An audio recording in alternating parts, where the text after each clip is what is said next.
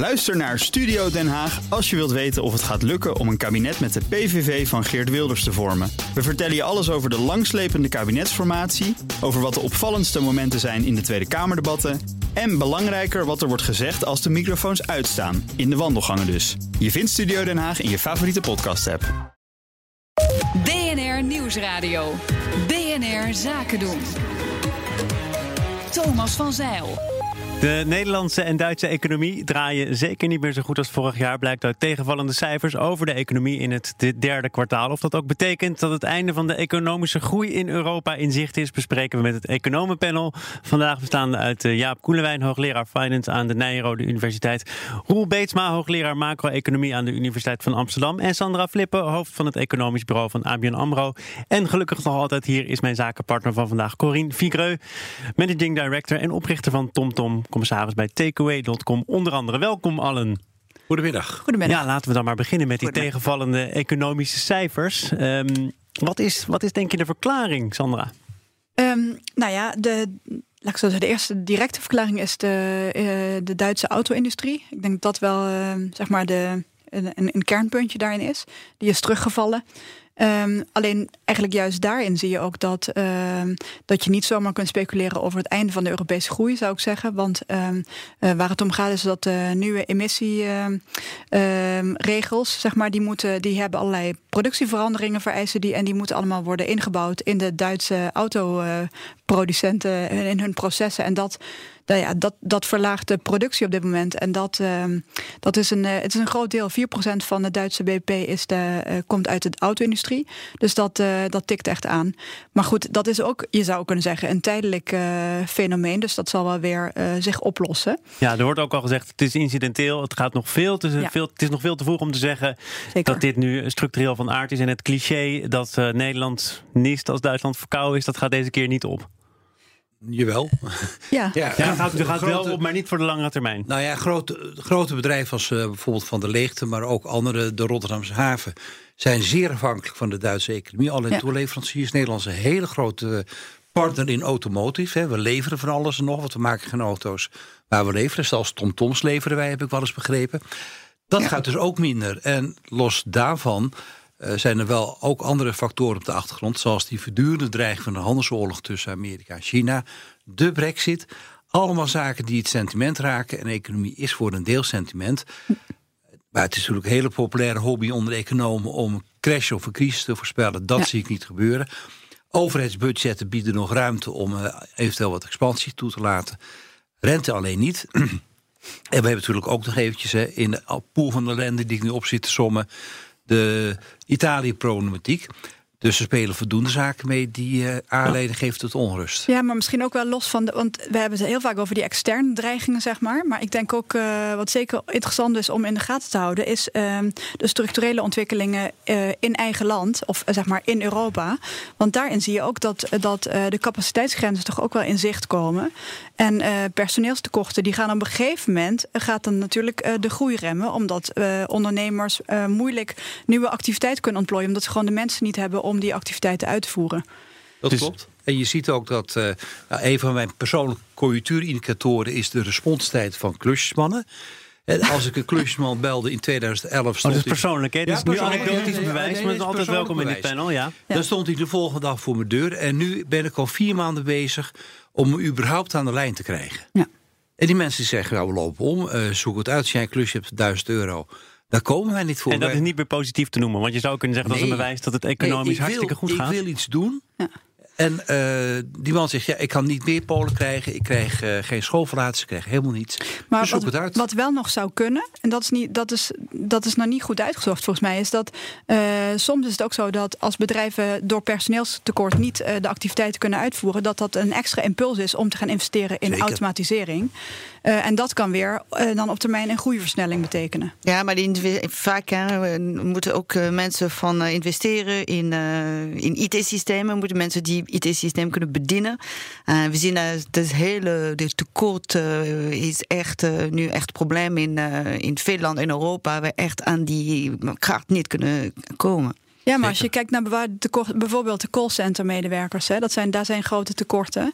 Maar nou zijn het nou net die uh, economische activiteiten waarvan uh, zeg maar een Google Assist of zo, dat zijn ook van die technologieën die nu rap in de markt worden geïntroduceerd, die juist dat soort beroepen ook dreigen overbodig te maken. Dus dat is wel dus die, die spanning tussen personeelstekort en uh, productiviteitsverhogende investeringen, die is er volgens mij wel degelijk. Roel ja, Beetsma, er wordt uh, ook in Frankfurt gekeken naar wat nu te doen. Hè? Die, koud in. ja, want dat weten mensen niet. Maar Roel was even iets verlaat. Dacht, dat los ik dan keurig op, maar we weten het nu toch allemaal. Ja, heel goed. Ja. goed. Uh, wat moet de ECB doen? Hè? De economische groei zwakt af. Ondertussen wordt er natuurlijk wel nagedacht over... verhogen we nou eindelijk de rente of toch niet? Uh, is dit een reden om te zeggen... we doen voorlopig even niks? Of? Nou ja, kijk, de ECB... Ik, ik denk dat de ECB daar wel een beetje mee in zijn maag zit. Hè? Want ze hebben aangekondigd dat ze het uh, opkoopprogramma... dat gaan ze stoppen vanaf 1 januari... Um, ze hebben wel nog flexibiliteit wat betreft de rente. En wanneer gaan ze de rente voor het eerst verhogen? Dat is nu dat, dat verwachte moment is nu naar ergens maart 2020 eh, verschoven. Um, maar kijk, het probleem is natuurlijk, we zien dat de economieën aan het afzwakken zijn. De voorspellingen zijn ook een vertraging van de groei. Maar ze hebben zich gecommitteerd aan het stoppen van het opkoopprogramma. Dus Ehm, als ze hun geloofwaardigheid willen behouden, dan kunnen ze eh, dat niet meer terugdraaien. Ja, theoretisch kan het natuurlijk wel, maar dat zullen ze liever niet doen. Maar ze hebben wel nog het instrument om te zeggen van oké, we kunnen dat, die renteverhoging die kunnen we wat langer uitstellen. Maar het gaat dan al over een renteverhoging, sorry dat ik je onderbreek, van in 2020. In 2020, ja, dat is de verwachting. Hè. Dus dan spreken we. Je moet anderhalf... communiceren, begrijp ik. Ander, anderhalf jaar vanaf nu. Ehm, kijk, het heeft een voordeel om echt een pad uit te zetten dan weet de private sector weten waar ze, waaraan ze toe zijn. Maar dat moment van die renteverhoging kan natuurlijk nog verder verlaat worden. En daaraan gekoppeld, hè, op dit moment, en dat zal de ECB ook blijven doen voorlopig, zijn ze de aflopende obligaties hè, die ze hebben opgekocht, die zijn ze gewoon weer aan het, in zekere zin aan het vervangen. Uh, tot nou ja, tot uh, ruim nadat de eerste renteverhoging uh, zal zijn geweest. Dus ze hebben nog wel wat instrumenten. Maar zeg maar de grote lijnen waaraan ze zich gecommitteerd hebben, ja, die zullen ze moeten opvolgen. Ja. Eens. Ik ja. uh, kwam een uh, uitspraak van Klaas Knot ook nog tegen. Die zei: We hoeven niet meteen in paniek te schieten. De economie is veerkrachtig, kan wel tegen een stootje. Is dat ook om uh, eventuele paniek meteen maar te bezweren? Of heeft hij ook gewoon gelijk? Klaas Knot wil niet dat er gepraat wordt over continuering van het quantitative, quantitative easing-programma. Hij zit op de harde lijn van dat de rente omhoog moet. En als hij nu zegt, nou ja, het is wel erg. Gut, ik heb naar buiten gekeken, het is erg. Dan zegt hij impliciet, Draghi, ga maar door met opkopen. Draghi, stel die renteverhoging maar uit. En Knot is een havik binnen de ECB, in opdracht van Duitsland. En die zal dus niet iets gaan zeggen dat de ECB, ECB legitimeert in versoepeling. Ik denk ook dat, het, dat, die, dat de signaalwaarde van het eindigen van het opkoopprogramma, dat, dat willen ze ook maximaal uitspinnen. Um, en dat proberen niet te laten vermengen met, uh, met uh, uh, renteverwachtingen. Dus ik denk dat dat, dat ehm, ja, ook een belang van de ECB is om hun beleid gewoon zo effectief mogelijk te hebben. Dus het is ook een politiek spel, of, of vooral een politiek spel misschien? Communicatiespel. ja, ja, zeker. Ja. ja. Dus gaat er wat gebeuren op korte termijn? Antwoord nee. nee. Nee. de ECB gaat uitvoeren wat ze heeft beloofd. Nou, er gebeurt wel wat. Roel heel terecht zegt. ECB heeft nu met die schulden twee opties. Doorrollen of uh, af laten lopen. En ze rollen door. En daarmee houden ze dat hele reservoir van goedkoop geld houden ze in ieder geval intact. Ze verkleinen het niet. Dan over zaken die misschien wel gaan gebeuren. We moeten het toch ook in deze pool van ellende, zoals jij dat net noemde, hebben over Brexit. um, er wordt vandaag over gesproken, hè, over de conceptovereenkomst tussen Brussel en de regering mee. In het nieuws hoorden we al dat er ook sowieso voor Nederland een soort noodwet klaar zou moeten liggen, mocht het uiteindelijk tot een no-deal komen. Wat is op dit moment volgens jullie het uh, meest waarschijnlijke scenario? Nou, ik ben eigenlijk helemaal niet zo negatief. Ik was, uh, ik was vorige week uh, in Londen. Toevallig zat ik echt uh, drie straten verder dan waar uh, Theresa May naar buiten kwam toen ze de deal aankondigde. En meteen daarna, de dag daarna begonnen, de, begonnen een aantal parlementsleden weg te lopen. Maar dat was eigenlijk, weet je, dat is, dat is typisch Brits drama. En, iedereen, en alle kranten halen dat heel gretig op in Europa. Maar Um, als je gewoon kijkt, ik heb toen gekeken, de Times had een heel mooi overzicht van um, hoeveel mensen waarschijnlijk voor de deal gaan stemmen, hoeveel mensen er zeker en waarschijnlijk tegen gaan stemmen en, en, zeg maar, en hoeveel ze nodig heeft. Nou, ze moet volgens mij 25 um, parlementsleden die nu nog niet in het kamp zitten van uh, ja of waarschijnlijk ja, die moeten ze over de streep trekken. En uh, die mensen die weglopen, die zitten eigenlijk sowieso al helemaal uh, in, aan de andere kant van de. geschreven voor haar ja, als. dus ik denk, ik, ja, ik denk als ze zeg maar de, de, pond gaat natuurlijk gewicht in de schaal gooien als dit, als dit dreigt mis te lopen. Pond daalde al. Daalt al. Ja. En, en dat gaat alleen maar sterker worden als dit dreigt mis te lopen. En dan heb je ook nog de, de gevestigde belangen van, van de city, zullen we zeggen, die gaan ook hun gewicht in de schaal. En ik denk echt, die 25 die komen er Ja, ik ook. Ik ben helemaal eens. Dat gaat gebeuren gewoon. Ja. Iedereen weet, hè, het is een soort chicken game van doorzetten van een harde brexit is rampzalig. Rampzalig voor juist de mensen die hebben voorgestemd, hè, voor lief hebben gestemd. Nou, die kun je daar niet van doordringen. Maar ik denk dat heel veel mensen heel goed doorhebben dat het harde vertrek uit de, uit de eurozone of uit Europa voor de Britten heel nadelig is. May heeft wat ze wil, want ze heeft die immigratie kunnen beperken. Daar was Brexit om begonnen. Ja, klopt. En dan kun je nog wat schreeuwen en schoppen tegen Brussel dat ze zo duur zijn. Maar de kern van de zaak heeft ze bereikt. Dat zal ze de komende tijd gaan uitspelen, vermoed ik. En zal er misschien dus een dansje doen. Niet dat het helpt, maar het, is wat, ziet er wel leuk uit. Maar iedereen weet dat uh, doorzetten van de harde brexit... Kijk, en wat Sandra terecht zegt... de weglopers die waren altijd al tegen. En het is ook heel Brits om, als het niet naar je zin is... om dan met veel bombardie weg te lopen... en jouw partijleider alle mogelijke narigheid toe te wensen. Dat hoort in het Britse spel waarin je kunt opstappen als minister... Ja. vervolgens in het parlement blijft zitten... dan komt er weer een andere minister. En je komt weer terug. Dat is heel anders dan bij ons. Ja, ja. Uh, Hoe kijk, wordt kijk, nu... Ja.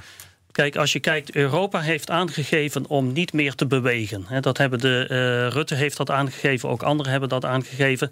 Dus um, zeg maar, op een gegeven moment zal het de Britten duidelijk worden. En de mensen die zeg maar, in zekere zin tussen de twee partijen inzitten. Die zal duidelijk worden dat er niet veel meer te halen valt dan de huidige deal. En ik verwacht dat uiteindelijk dat ze toch overstag zullen gaan. En mijn, mijn inschatting is dat dit, ge, dat, dat dit geaccepteerd zal worden. Uh, je, je, ziet heel vaak ook bij onderhandelingen, naarmate je een deadline nadert, dan komt er op een gegeven moment toch een oplossing, ja. omdat het alternatief te rampzalig is. Ze hebben het wel gemaakt. Maar wat me wel zorgen baart, is dat er, want dat hoorde ik dus ook in, uh, in Londen, is dat er toch ook uh, geredeneerd wordt van nou, laten we ons ook, laten we ook maar alvast plannen klaarmaken voor een no-deal.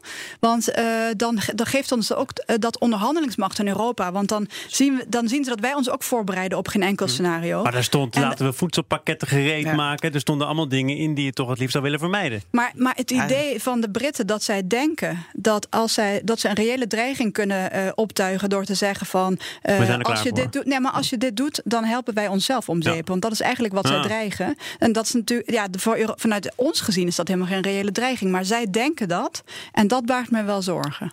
En het woord is aan het economenpanel bestaande uit Jaap Koelewijn, hoogleraar Finance aan Nijrode Universiteit. Roel Beetsma, hoogleraar macro-economie aan de Universiteit van Amsterdam. En Sandra Flippen, hoofdeconomisch bureau ABN AMRO. Nee, ik ben hoofd van het Nederland-team. Uh, jongen, jongen. Ik wil niet mijn baas hier uh, voet dwars zetten. Volgende keer is het volledig correct. Mijn zakenpartner is nog altijd Corinne Figaro. Klopt, hè? Ja, klopt. Ja, ja, klopt. Um, laten we praten over Italië en Brussel. Want die lijken af te steven op een harde confrontatie over de begroting. Italië heeft namelijk geweigerd om de conceptbegroting op belangrijke onderdelen aan te passen. Onze eigen minister Hoekstra zegt, ja, dat heeft mij niet zo heel erg verrast. Roel Beetsma, jou ook niet, denk ik? Nee, nee, ik, uh, ja goed, ik bestudeer het geval Italië vrij nauwkeurig als lid ook van de European Fiscal Board. Uh, uh, kijk, beide hebben zich enorm ingegraven, zowel de Europese Commissie als Italië. En ja, je kunt niet verwachten, stel je voor dat Italië met een totaal aangepaste begroting zou komen. Ja, binnenlands gaat die regering natuurlijk helemaal nat. Uh, dus dat kun je niet verwachten. Je kunt aan de andere kant ook niet verwachten dat de Europese Commissie nu gaat inbinden. Uh, dus wat ze uh, mogelijk gaan doen, is een excess, excessieve tekortprocedure starten. Op basis van een te hoge schuld. Sandra, ik noemde en... dit net overigens, uh, net zoals Jaap Koelewijn eerder zei, een pool van ellende. En toen zei je, nou nee, misschien valt het wel mee. Maar dit is toch allemaal geen goed nieuws? Of nee, dat is geen goed nieuws. Maar, wat ik, maar dus, dat wilde ik ook net ook aan uh, Roel Beetsma vragen. Van, want, want in, die, in die procedure, hè, wat is dan het ergste wat kan gebeuren? Is die boete? Ja. Nou, nou, ja, kijk, het, het, ergste voor Italië is de boete. Ja, uh, ja goed. Er zijn dat is een druppel op een gloeiende plaat, toch? Nee, natuurlijk. Kijk, tot nu toe zijn er ook nog nooit boetes uitgedeeld. Ja, misschien dat het er wel een keer van gaat, gaat komen. Ja, die boete zal kunnen oplopen tot iets van uh, 3,5 miljard. miljard. Ja. Dat is niet super hoog natuurlijk, maar het zit hem vooral, denk ik, in het reputatieverlies voor de, voor de Italiaanse regering. Ja, ik denk dat sorry, ik denk dat eh, is ik ben helemaal, ja, ik ben helemaal. Dus de, ik snap wel dat het, dat het natuurlijk een ellendige situatie is. Hè? Hm. Maar gegeven dat we daar zitten, denk ik toch dat. eh, kijk, de, de, ehm, de Italiaanse kiezers die vinden dit geweldig. Eh, de geloofsmeester alleen maar toegenomen. Ehm, de, de, de Europese Commissie heeft verkiezingen vooruitzicht. Dus die wil eigenlijk zich, die wil ook geen blauwtje halen in dit opzicht. En, ehm, nou ja, en, wie, en, wie zullen, en wie zullen al die staatsschuldpapieren blijven, moeten blijven opkopen? Dat zijn toch de Italiaanse banken. Nou ja, En, ja daar, eh, daar, zit, daar zit precies het probleem. Eh, dus wat je kunt zien is echt een confrontatie tussen de commissie en de Italiaanse regering. Eh, de commissie zal, als, als haar eigen geloofwaardigheid wil houden, dan zal ze iets moeten doen. Ehm, maar goed. Eh, als parallel zijn de financiële markten er natuurlijk. En die financiële markten die zullen.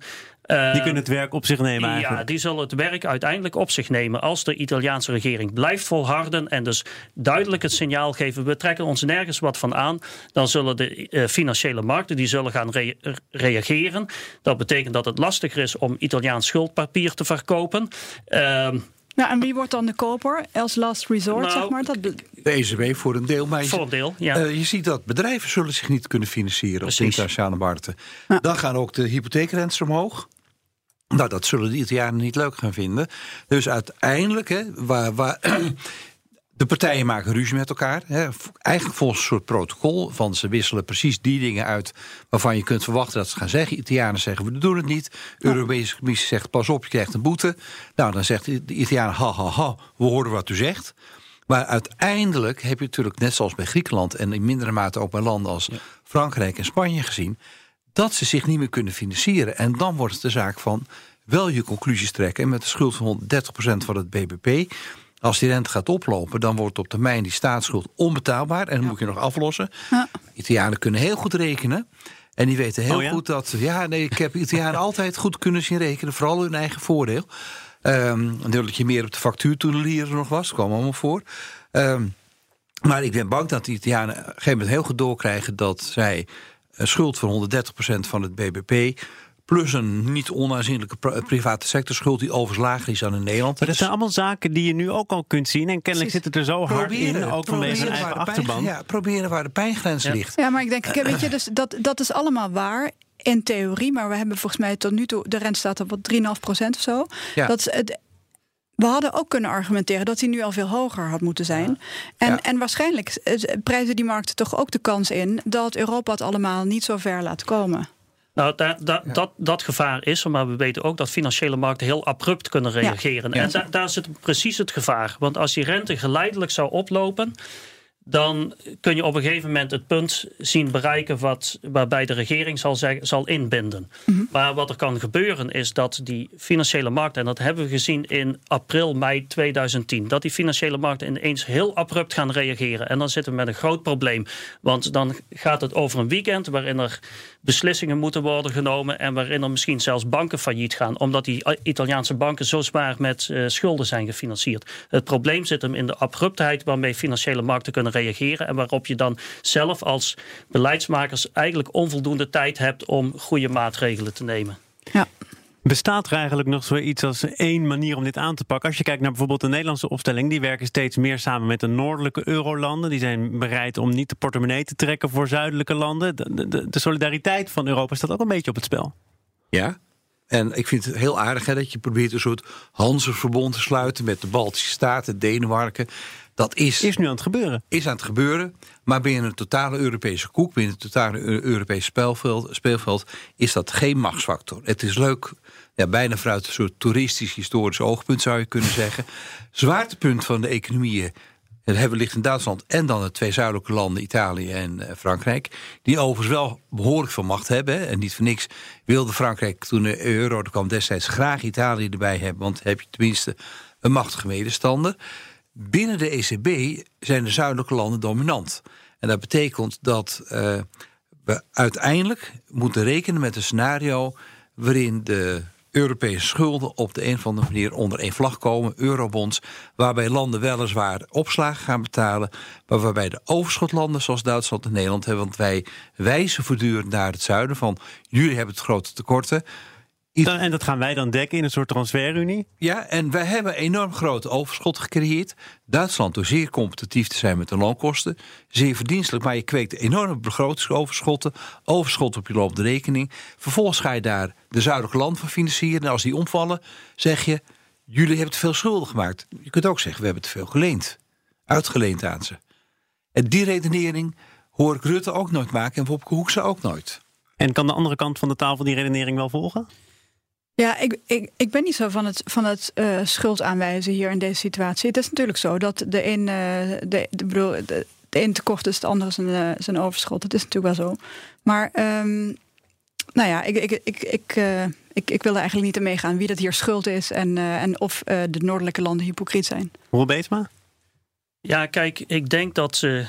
Kijk, die, die uitleners natuurlijk. Um, kijk, ik denk toch dat ze inderdaad ook misschien wel erop hadden gerekend van ja, er komt een bail-out en het, uh, uh, er, er, komt een redding. Um, dus, dus ja, goed, het is een beetje lastig om te zeggen waar, waar, nu, de, waar nu de schuld ligt. Um, als je het hebt over solidariteit, want dat werd zojuist gezegd. Ja, de vraag is, wat, wat versta je onder solidariteit?